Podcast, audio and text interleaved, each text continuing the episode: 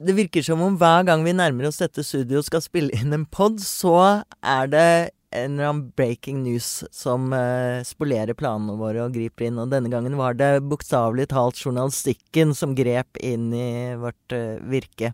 Vi må snakke om pressen. Og her ved min side sitter som vanlig ulveelsker Ola Magnussen Rydje. I think it's a disgrace.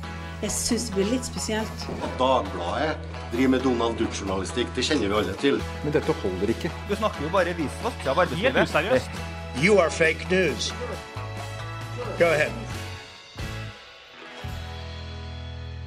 Før vi går løs på politikken i ukas episode, så må vi vende blikket mot oss selv. Og det er jo ikke alltid så behagelig.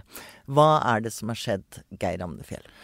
Jo, det som skjedde er at eh, TV 2 de publiserte jo eh, eh, onsdag kveld en omfattende artikkel og et intervju med Sofie, 27 år gammel, som er da kvinnen som, som var med i den mye omtalte dansevideoen på Bar Vulkan med Trond Giske. og det, det, hun sier i den, den artikkelen, det er at hun i forkant av VGs publisering av eh, videoen eh, understreket at hun opplevde møtet med Giske som uproblematisk. Og også da hun ble, fikk opplest saken fra eh, eh, VG-journalisten eh, i forkant av publisering av intervjuet, så ga hun klart uttrykk for at en del av det anonymiserte sitatet som hun ga til avisa, eller som avisa brukte, eh, måtte tas bort av det som handler om at eh, det ble litt mye. Eh, og at det derfor hun og venninna derfor eh, dro. Så eh, sånn saken står nå, så er jo det veldig alvorlig. Eh, det virker jo som VG har håndtert kildearbeidet veldig dårlig. Uh, og eh, VGs sjefredaktør har selv sagt at det er en alvorlig sak. Eh, VGs styreleder, tidligere sjefredaktør, eh, Torry Pedersen, eh, mener at det må være en nærmest kirurgisk gjennomgang av VGs dekning av eh, Giske-videosaken. Uh, ja, altså Det det fremstår som, må vi vel kunne si, er at en journalist har fabrikkert et utsagn. Det er det hun påstår. Hun sier rett og slett at, eh, at deler av det anonymiserte sitatet er oppdiktet. Det er hennes påstand. Um, og dette har jo også Presseforbundet um, engasjert seg i. Presseforbundet, lederen der er også liksom lederen av PFU, Prestens faglige utvalg. Uh, og hun har sagt at saken bør inn for PFU. Og hun har også mulighet for å ta saken inn for PFU med sin initiativrett. Uh, og vi skriver en, en, lederartikkel hvor vi mener at det er en, en, god idé. For dette er en sak hvor vi må ha alle kortene på bordet, fordi den er veldig alvorlig for VGs troverdighet. Men den kommer også inn på noe som er helt grunnleggende i journalistikken. Altså eh, Forholdet journalistene har til kildene sine, er det viktigste vi, har, viktigste vi holder på med at både vi eh, er eh, gode på og kan stoles på når det gjelder å gi kildene beskyttelse, hvis det er nødvendig, og også å gjengi dem på en fair eh, og eh, sannferdig måte. Mm. Og hvis den tilliten eh, brister, så har vi ikke så mye igjen å farme. Nettopp. Eh, jeg har fått uh, igjen inn i studio sjefen for disse politiske journalistene. Uh, uh, Mats, gode kollega, du er her nå også igjen som leder av Presselosjen. Forrige gang var du her i forbindelse med samrøret, og nå altså i forbindelse med påstander om at journalister har oppdiktet sitater. Hva for en gjeng er det du egentlig leder, inkludert noen av oss rundt her i studio? Nei, det, er, det begynner jeg å stille spørsmål ved nå, må jeg kanskje si. Jeg får kalt inn på teppet her hos deg en gang til. Eh, nei, dette er en trist eh, sak selvfølgelig for eh, alle involverte. Det er en alvorlig sak. Det viser med all tydelighet de uttalelsene som VGs øverste ledelse har kommet med. Nå gjenstår det nok en del før vi kan konkludere entydig i hva som har skjedd, men beskyldningene er alvorlige, og beklagelsen den foreligger allerede. Men jeg tror at noen av lytterne våre der ute lurer litt på hvordan er det egentlig disse politiske journalistene jobber? Eh, altså hvordan er det Vi hørte her Geir snakket om at det var et sitat som var anonymt. ikke sant? Man bruker anonyme kilder. Man snakker under hånden-samtaler. Eh, hvordan er det egentlig det foregår? Nei, Det er, eh, som Geir var inne på, noe av det viktigste vi jobber med. Det handler om tilliten til um, det journalistiske produktet vi leverer. Eh, og, og, og, kildene våre er jo gjerne mennesker som vi snakker med ofte, så vi er eh, avhengig av også ivareta tillitsfullt forhold til dem. Eh, kapper du en sving en gang, hvis du fusker litt, så slår du tilbake på deg selv, og ikke minst på den publikasjonen du er en del av. anonyme kilder er et spesielt problematisk eh, felt, og her i eh, avisa så har vi jo som en hovedregel at man ikke skal støtte seg på bare én anonym kilde, eh, og man skal helst ha anonyme kilder, eller man skal ha anonyme kilder fra ulike miljøer, f.eks. i en pågående maktkamp, da, som man kanskje kan se konturene i Arbeiderpartiet. I denne aktuelle saken så så var det jo for så vidt et direkte sitat. det jo, var jo ingen usikkerhet rundt hvem den anonyme kilden var. Det var kvinnen i videoen. Hun var ikke navngitt, eh, men hun var skal vi si, identifiserbar for leserne på den måten. Um, og det var vel da, etter hva jeg forstår, i eh, sitatsjekken at, eh, at dette eh, kanskje gikk galt. Um, og, Fordi tonen mellom politiske journalister og eh, politikere og maktmennesker kan jo av og til være litt sånn eh, røff. Mm. Eh, de omgås daglig borte på Stortinget. Men her snakker vi jo om en ung kvinne som ikke hadde noe erfaring med pressen. Så da bør man jo selvfølgelig oppføre seg annerledes. Ja, det er jo vanlig å la mennesker som er uvant med mediene, eh, få eh, en enda større grad av, av eh, innsyn og informasjon om det vi driver med. Men generelt så er det sånn at du som journalist skal klargjøre premissene for intervjuet før du setter i gang. man skal vite at, at, at det er en intervjusituasjon. og man skal også ha en forståelse for i hvilken sammenheng dette intervjuet skal brukes. Uh, og det visste jo for så vidt uh, hun som stilte opp som anonym kilde her, men hvilke muligheter har f.eks. hun da til å kunne gå tilbake på det? Uh, altså Nå er det jo ikke noe opptak eller noe av dette intervjuet, så vidt vi vet i hvert fall. Men, men, kan man liksom trekke et sitat og si nei, dette vil jeg ikke si likevel, hvis man føler noe er feil fremstilt, eller? Jeg, jeg, tenker at terskelen for å la ikke-medievante personer få lov til å forklare seg en gang til og si at eh, du, når jeg ser det på trykk, så var det egentlig ikke det jeg mente, eh, den bør være lav. Eh, men vi opplever at profesjonelle aktører, politikere, statsråder, stortingsrepresentanter, prøver seg på samme finta, og da er det ikke sikkert at vi er like ettergivende.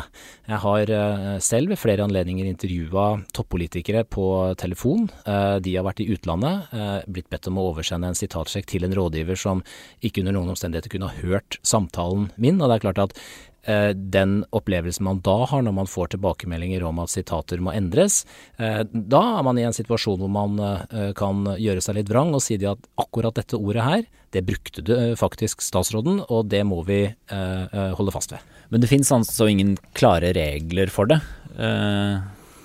Ja, altså det, det, det fins jo, jo, regler i den forstand at man har krav, til, krav på å se sitatene sine eh, gjengitt og, og, og opplest. Eh, og i den grad det er en uenighet om sitatet falt på den ene eller andre måten, så er det vanlig å involvere redaktørene. Og hvis redaksjonene mener at her er det så avgjørende å skal vi si, bryte denne forhåndskontrakten med intervjuobjektet om eh, sitatsjekk, og, og, og, og, kjøre på uavhengig av om man vil trekke sitatene eller ikke, så er det en redaktøravgjørelse i normale tilfeller. Så tilliten går litt på at vi må stole på at enkeltjournalister og redaksjoner gjør en vurdering av at det vi gjengir her, er det vi mener er det, tettest, det som ligger tettest opp til virkeligheten? Definitivt, og det er vi jo helt eh, og fullstendig avhengig av. Eh, og så er den norske sitatpraksisen annerledes fra hva man ser i britisk presse f.eks., der man har en tendens til å gjengi mye mer ordrett. Da jeg jobba i NTB og dekka spørretimen, så er ikke NTB-referatene fra spørretimen identiske med referatene som referentene, som det heter, i stortingssalen gir. Eh, vi gjengir meningsinnholdet, dermed så blir det kortere og fyndigere setninger. Ehm, men eh, man skal jo ikke endre på eh, Altså meningsinnholdet skal, skal, skal bestå. Det er, det er jo det er en selvfølgelighet. Og et sånt sitat som dette burde jo være helt, selvfølgelig helt presist. Eh, de første reaksjonene var selvfølgelig at på noe som fremstår som en presseskandale, var at hele den såkalte Giske-saken dermed falt. Uh, men Jonas Gahr Støre, partilederen, han sier at dette ikke endrer noe. Hvorfor gjør han det, Geir? Nei, altså Han eh, sikter vel da eh, til to ting. Det ene at eh, sentralstyret i Arbeiderpartiet har gjennomgått og behandlet eh, varslene. Eh, de har også behandlet eh, klagen fra, fra, fra, Trond Giske, og at de står fast på, på konklusjonen. Og at han ikke endrer holdning til det han har gitt av uttalelser i den sammenhengen heller de siste, siste ukene. Så sånn sett så, så, så jo, står jo den saken uh, der den sto før, før TV 2-artikkelen ble publisert. Mm. Og, og, det som kanskje er eh, viktig å huske på, er at den videoen kom jo ikke, oppsto jo ikke i et vakuum. Det var ikke bare den, den Man må se litt den konteksten dukket opp i. Det var jo en, hadde vært en lang diskusjon oppe i Trøndelag om hvorvidt Trond Giske skulle komme tilbake, og om det var for tidlig for ham å komme tilbake. Og det var eh, dragkamper om eh, hvilke verv han i så fall skulle få. Og det er jo også en diskusjon som har pågått i mange andre partier eh, om disse som har fått metoo-varsler for seg, at det er til, eh, for tidlig at de kommer tilbake i toppverv allerede etter et år. Og det var jo da denne videoen dukket opp midt i denne debatten, at den fikk en slik kraft, selvfølgelig. Mm. Og sånn som, eh, sånn som staken står nå, så ser jo ikke dette, dette bra ut for, for, VG. Det er jo helt åpenbart at her, her må alle kort på bordet. Men uh, dette er også en podkast. Vi spiller den inn på torsdag. Det, dette er jo en sak som fortsatt uh, lever, og vi må jo uh, fortsatt holde, holde, dette åpent. Jeg tror vi skal være åpne om at det er ikke bare VGs omdømme som kan ta skade av dette her. mange stiller seg spørsmålet ved om, om, dette også impliserer andre redaksjoner. Er det sånn journalistene jobber? Er det sånn politisk journalistikk blir til? Veldig mye vesentlig journalistikk blir til, som du sa i stad, Marie, ved bruk av anonyme kilder. Mm. det er en ekstrem grad av tillit som må til for at de sakene skal få det gjennomslaget de fortjener. Um, så, så, sånn sett så er dette her en eh, Hvis det er riktig, sånn som det framstår nå, og med alle mulige forbehold, så er dette en skandale som jeg tror eh, rammer mye bredere enn eh, VG. Eh, og det kommer på toppen av en diskusjon som vi har hatt også i denne podkasten, om bindinger og samrøre mellom presse og politikere, som for uh, folk utafor dette uh, studio, utafor dette redaksjonslokalet, framstår som underlige. Og det må vi ta på alvor, tror jeg, som, som laug, da. Det tror jeg er riktig. Vi har hatt mange diskusjoner i dag innad i i redaksjonen om hvordan vi skal uh, tilnærme oss dette, og også her i podkasten. Men uh, vi får vel understreke at vi nå ikke vet med sikkerhet uh, hva som faktisk har skjedd, men vi har TV 2s avsløringer har jo en ganske bra dokumentasjon på kommunikasjonen mellom VG-journalisten og kvinnen. Så det er jo det saken nå bygges på i stor grad. Men hva skjer nå? Kommer den opp i PFU, tror du, Geir? Ja, altså hvis ikke, eh, hvis ikke, det kommer Hvis ikke denne saken tar en helt annen eh, vending Vi må jo holde alt åpent. De siste ukenes eh, nyhetsbilde har jo eh, vært eh, nokså uforutsigbart. Men eh, i hvert fall slik saken eh, står nå, så mener jeg at det er nødvendig og viktig at PFU tar den opp til en fullstendig behandling som skal være åpen, så folk kan få lese Eh, både en eh, eventuell klage eh, og tilsvar, og følge en grundig debatt.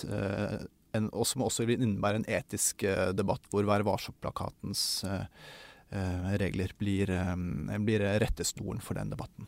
Så igjen breaking news i denne podden, og da igjen nødvendig å understreke at dette er tatt opp torsdag ettermiddag.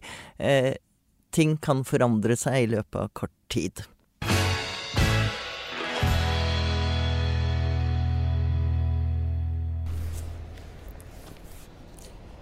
Her står jeg altså rett innenfor Ring 2 i Oslo og leter etter Senterpartiet. Eh, for i helgen skal Senterpartiet ha landsmøte, og det er på Hamar hele 1 time og 20 minutter med tog fra Oslo S.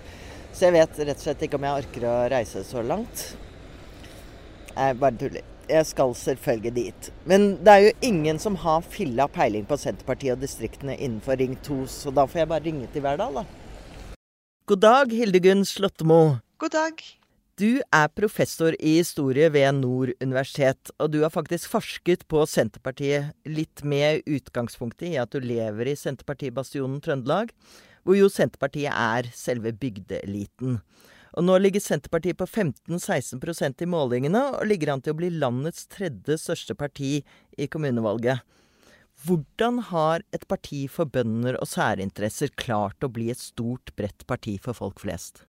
Det er jo noe stabilitet som ligger under en, med at det har vært et parti som hele tida har vært opptatt av bygda, i den forstand at den har vært opptatt av bønder og landbruksnæringa og, og, ting knytta til distriktene. Altså, det er jo noe som ligger i sakens natur, at bondenæringa og landbruksnæringa er, er utenfor byene. Så det er fortsatt det som er fokuset. Men i dag har det blitt et bredere fokus, eh, videre enn en måte en landbruksnæringa i seg sjøl, mer knytta til distriktene. Eh, og der klarer de å fange veldig mange grupper med eh, fokus på hva er det distriktene tjener på, hva er det på en måte lokalsamfunnene tjener på. Eh, og da med å klare å målbære den kritikken som er mot sentraliseringa som, som vi ser i dag. Og noen har vært, og noen har vært frekke nok til å kalle dette populisme. Hva kaller du det? Nei, Jeg er ikke særlig glad til det populismebegrepet, fordi at det er et begrep som eh, det, tar over, blir et skjellsord som brukes i stedet for saklige argumenter. Eh, og så er det et begrep som brukes på veldig mange forskjellige måter, og det har i utgangspunktet vært et positivt begrep. altså På 70-tallet så var jo populisme eh, noe positivt. Det var, var, å lytte til folket. Det var på en måte en rød-grønn bevegelse og rød-grønne verdier i folkelig bevegelse.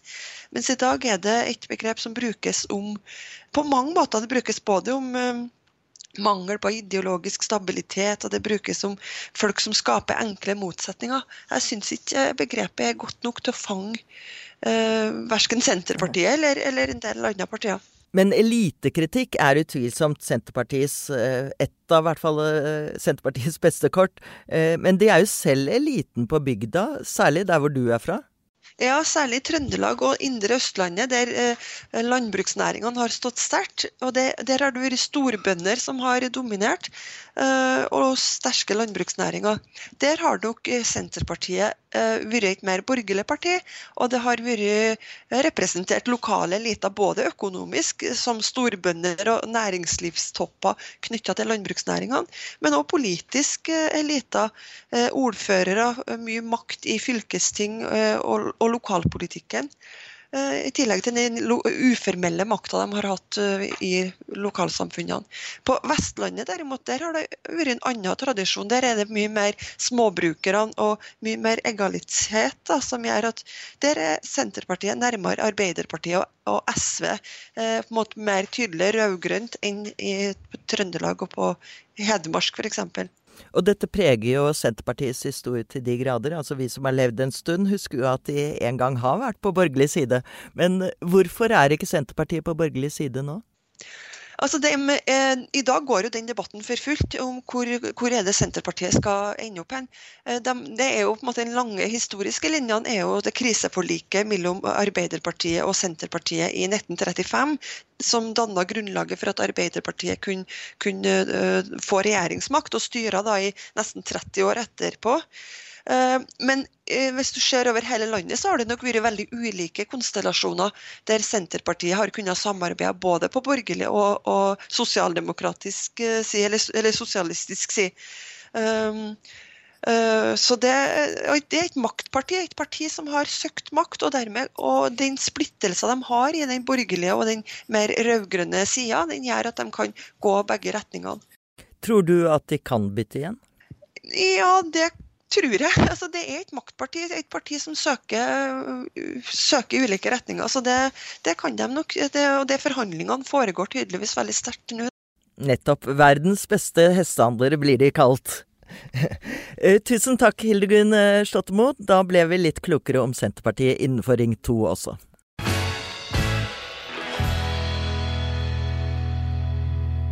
Nei, nå fant jeg faktisk en ekte Senterparti-ekspert innenfor Ring 2. Det er jo helt utrolig, og da måtte vi selvfølgelig gå til en kollega. Irene Halvorsen, sjefredaktør i Selves Nasjonen, som eies av store deler av norsk landbruk, kan vi vel si. Eh, velkommen til en trafikkmaskin i Oslo, også kalt Hasle. Tusen takk. eh, Irene, du og jeg har jo kjent hverandre i flere år som kolleger. og du var jo lenge en av oss. Du var jo samfunnsredaktør i Dagsavisen. Altså nærmere den urbane metoo-eliten eh, finnes det vel knapt. Og så ble du utnevnt til sjefredaktør i Nasjonen. Og uka etter tror jeg bokstavelig talt, så møtte jeg deg på ulvedemonstrasjonen utenfor Stortinget. Og jeg husker liksom at du hadde på deg til og med en pelslue. Ja, men det er, der, det er der det, hukommelsen din uh, spiller deg et puss, uh, Marie. Uh, det var veldig mange pelskledde mennesker på ulvedemonstrasjonen, men jeg var altså ikke en av dem. Til tross for at det var, jo, var så kaldt at det hadde helt sikkert vært fornuftig. Men en sjefredaktør i Nasjonen er forpliktet til å være for å skyte ulv? Nei, det tror jeg ikke noen sjefredaktør i Nasjonen er. Men jeg tror en sjefredaktør i Nasjonen må forstå hvorfor folk eh, opplever ulven som en direkte trussel mot uh, sitt liv og sin, livs, uh, altså sin eksistens. da, Mot næringsgrunnlaget, mot beiterett, mot alle disse tingene. Det må en sjefredaktør i Nasjonen forstå. Men hvis du skal veie de opp mot hverandre, så velger du bøndene? Ja, det gjør jeg fordi at jeg mener at um, ja, nasjonen står for, og det står jeg for, uh, liv i hele landet. Da må vi kunne høste av naturen i hele landet. Og uh, da må vi også kunne høste av utmarka. Men det betyr jo ikke at jeg eller nasjonen mener at Norge skal være rovdyrfritt. Så det er jo eh, mulig å se nyanser i dette, selv om debatten ikke alltid ser sånn ut. Eh, faste listere av podden vet at Elverum her blandet seg inn med, sin, med sitt ulvesyn, som han, som han, prøver å prakke på gjestene våre innimellom. Som jeg skjuler så godt jeg kan. Ja. ja. Uh, er du en ulv i fåreklær, har jeg skrevet her. Det er, det er et så dårlig, dårlig uttrykk at, at, jeg tror jeg skal la være å bruke det. Uh, men kan du avsløre at det går faktisk an å danse med oss ulver i Oslo og likevel elske distriktene. Ja, det mener jeg absolutt. Eh, og der står jeg jo på en eh, god og trygg tradisjon også fra Dagsavisen og arbeiderbevegelsen, nemlig by og land, hand i hand. Dette er mulig å hente opp igjen. Eh, og jeg syns at det er interessant at det er så store motsetninger mellom by og land. Vi har stor tradisjon i Norge for ikke å ha det.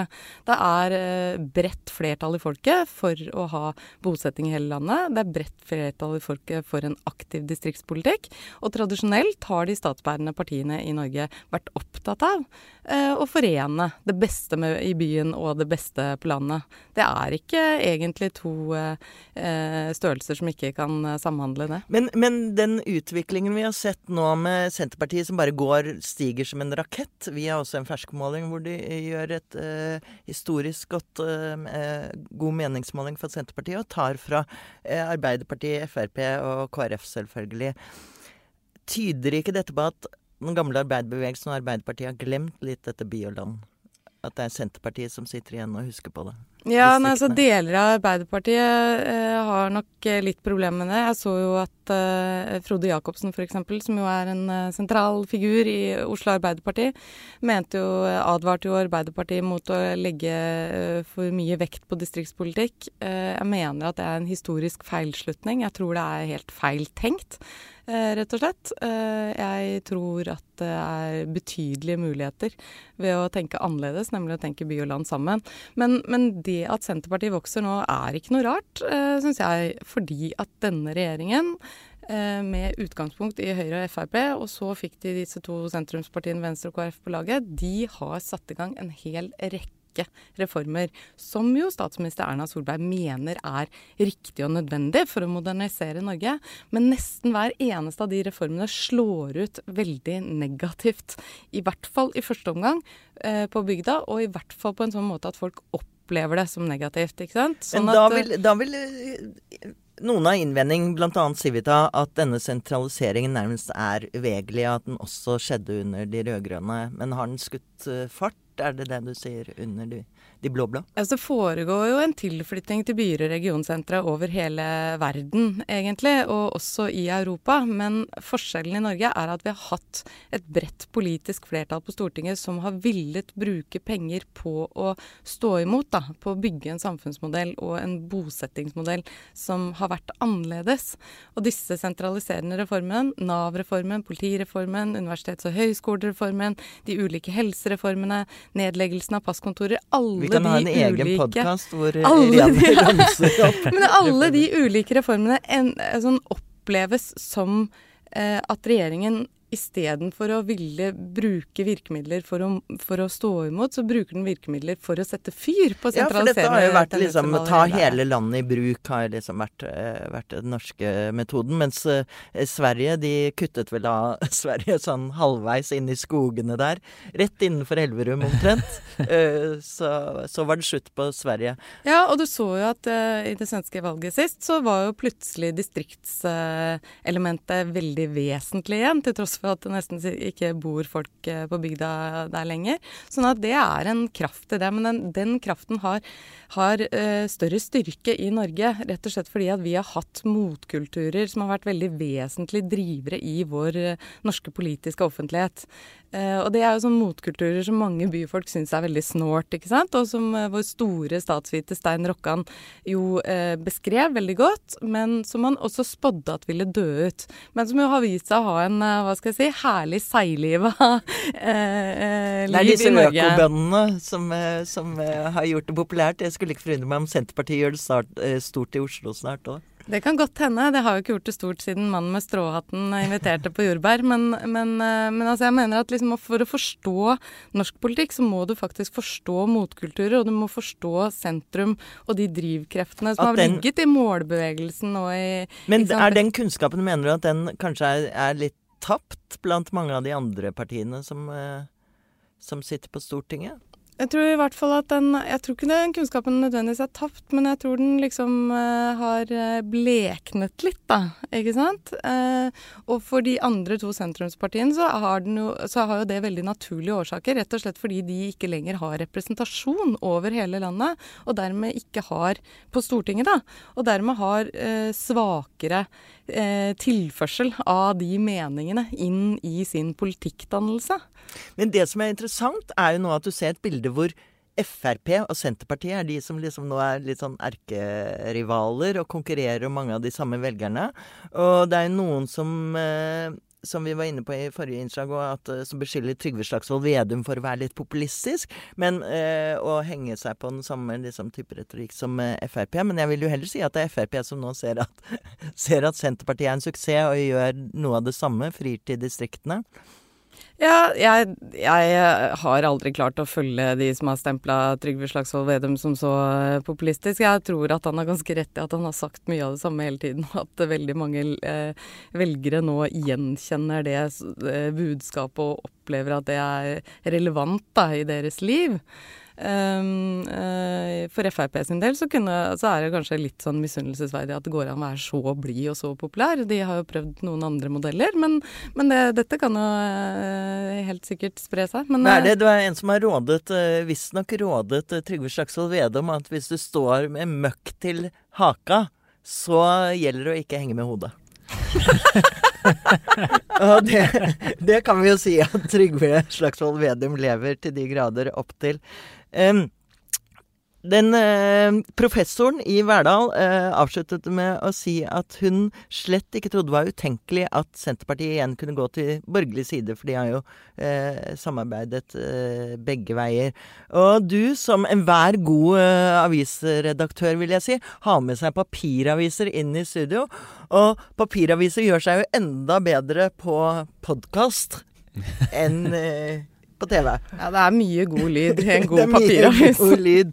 Men eh, altså det som er greia her, det er både Klassekampen og Nasjonen har oppslag som henger litt sammen. I Klassekampen går eh, eh, Fagforbundets eh, leder eh, Mette Nord ut og sier at hun mener at Senterpartiet samarbeider. De er jo den største bidragsyteren til eh, Senterpartiet. Og hun sier at nå må de slutte å samarbeide med borgerlige rundt omkring i landet. Hun vil at de skal holde seg til de rød-grønne. Men så har Nasjonen et veldig interessant kart. Eh, som eh, Overskriften er 'Senterpartiets tutti frutti-kart'. Og det viser jo at Senterpartiet samarbeider i alle retninger. Senterpartiet samarbeider reelt i eh, alle retninger og er eh, per definisjon lokalt et sentrumsparti. Det er jo det som eh, karakteriserer et sentrumsparti, at det kan eh, samarbeide begge veier. Og Trygve Slagsvold Vedum er også helt tydelig på det, at han er ikke interessert i å gi noe eh, direktiv fra sentralt hold til hvordan eh, hans lokalpolitikere skal opptre når de kjemper om makta lokalt. Senterpartiet lokalt får forhandle fritt til hvilken side de vil for å få mest mulig gjennomslag for Senterpartipolitikk. Og Erna har jo bedt alle sine lokalpolitikere om å drikke kaffe med Senterpartipolitikere. og, og Trygve Slagsvold Vedum sa jovial som han var, at han syns alle bør drikke mer kaffe. Så ja, ja, ikke sant. Greit. Men jeg, bare for å gå tilbake, altså, jeg har ingen tro på at Senterpartiet kan snu og bli et borgerlig parti eh, sentralt nå. Og til det, det henger sammen med de reformene jeg snakket om i stad. Eh, rett og slett sånn det er på rikspolitisk plan, så opplever Senterpartiet Høyre som den helt sentrale motstanderen knyttet til nettopp reformer og hvordan landet skal se ut og tas i bruk. Uh, men lokalt Så den døren er rett og slett lukket i overskuelig fremtid? Ja, overskuelig fremtid er jo et uh, trekkspillbegrep i norsk politikk. Det har jo en helt egen uh, tendens til å ja, til gå over. Til neste valg. men, men, jo, men, altså, det er vanskelig å se for seg noe annet, i hvert fall til godt ut i neste stortingsperiode. Rett og slett fordi at denne regjeringen har satt Eh, det stempelet på mm. sin politikk. Mm. I helgen er det da fest og spetakkel. Marit Arnstad eh, sa at antagelig kom dette til å bli den mest heidundrende landsmøtefest noensinne. Og Irene, du og jeg som har vært på noen av de, vet at det sier ganske mye. Eh, men er det liksom bare bare jubel? Nei, det har jo vært Altså det er litt sånn spett tilløp til grønt opprør i Senterpartiet. De er jo veldig bekymra over det stempelet som klimasinker. De mener jo at det er urimelig, men det er noen i partiet også som mener at eh, mer av politikken må være mer progressiv klimamessig, da. Eh, så det kommer det til å bli en viss eh, debatt om. Og Eh, en av Senterpartiets eh, kjente våpendragere, eh, Lundteigen, er jo en av fire som står i spissen for et, for et forslag som, som, med mer radikale klimagrep, da kan du si. For de lever ikke helt opp til den firkløveren sin? Kan ja, det kan man si, men det kommer jo litt an på hvordan du vurderer, vurderer det. Eh, ja, vi snakket sammen før denne podkasten litt også, som jeg tror er sentralt, er liksom Det ligger en veldig Altså Senterpartiet legger seg ganske tett opp til Arbeiderpartiet og Høyre knytta til at du kan liksom ikke bare vedta deg ut av Du kan ikke bare si at jeg liker ikke olje, så nå har jeg lyst til å slutte med det. Senterpartiet er liksom veldig realistisk eh, og jorda parti. Så da er det sånn OK, hva for, jobber folk med?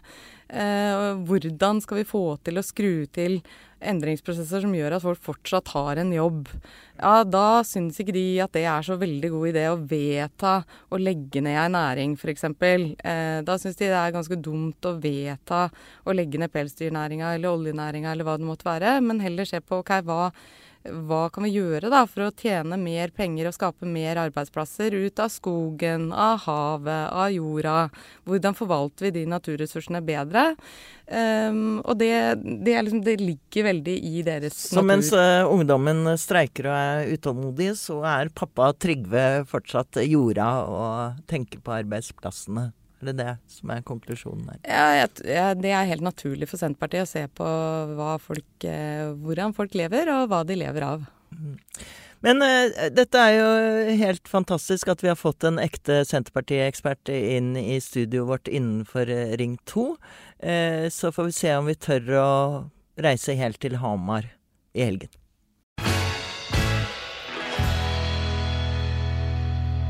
Fra Hamar til den store scene. Du har nyheter, Marie? Ja, nå skal podden virkelig bevege seg ut på de skrå bredder. Eh, vi skal eh, opptre på selveste Chat Noir. Oi, oi, oi. Eh, I hvilken anledning? Vi skal ha en livepod, og vi skal Vi starter likevel med et toppet tak. Altså, bare hør. Vi har Sigrid Bonde Tusvik. Vi har Marta Breen. Og vi har Harald Eia. Det høres jo helt strålende ut. Hva skal dere snakke om? Eh, Det er, det er litt mer uklart, men, men jeg tenker at disse er bare litt som De leverer uansett om jeg eh, får nerver, premierenerver, og kollapser helt eh, over denne grufulle eh, grufulle utfordringen. Men eh, vi vil jo gjerne ha dere lyttere på plass i salen. Ja, der trenger vi fullt hus. Og hvor eh, og når? Jeg har satt noe, det har vi allerede sagt. Det er 29. april klokken 19.30. Eh, billettene ligger ute på Ticketmaster. Du kan få mer informasjon om eh, forestillingen på vår Facebook-side, Siste med Marie Simonsen. Eh, jeg har også lagt den ut på min egen Facebook-side. Geir Ravnefjell har lagt den ut på sin, og Ola har lagt den ut på sin. Skamløs selvpromotering Ja, ja, ja. Vi er så stolt av dette her. Så det tror jeg blir kjempegøy. Vi skal nok snakke litt både om om eh, Sigrid Bonde Tusviks eh, famøse 8. mars-stunt. Eh, Harald Eia viser han skrukken, det vet jeg ikke. Marta Breen har skrevet en hel bok om eh, kvinners plass i det offentlige rom. Eh, så dette tror jeg blir kjempegøy, rett og slett. Det høres helt strålende ut. Eh, Så i mellomtiden tar jeg med meg danseskoene og reiser opp til Hamar. Jeg håper alle andre får en like hyggelig helg som jeg får.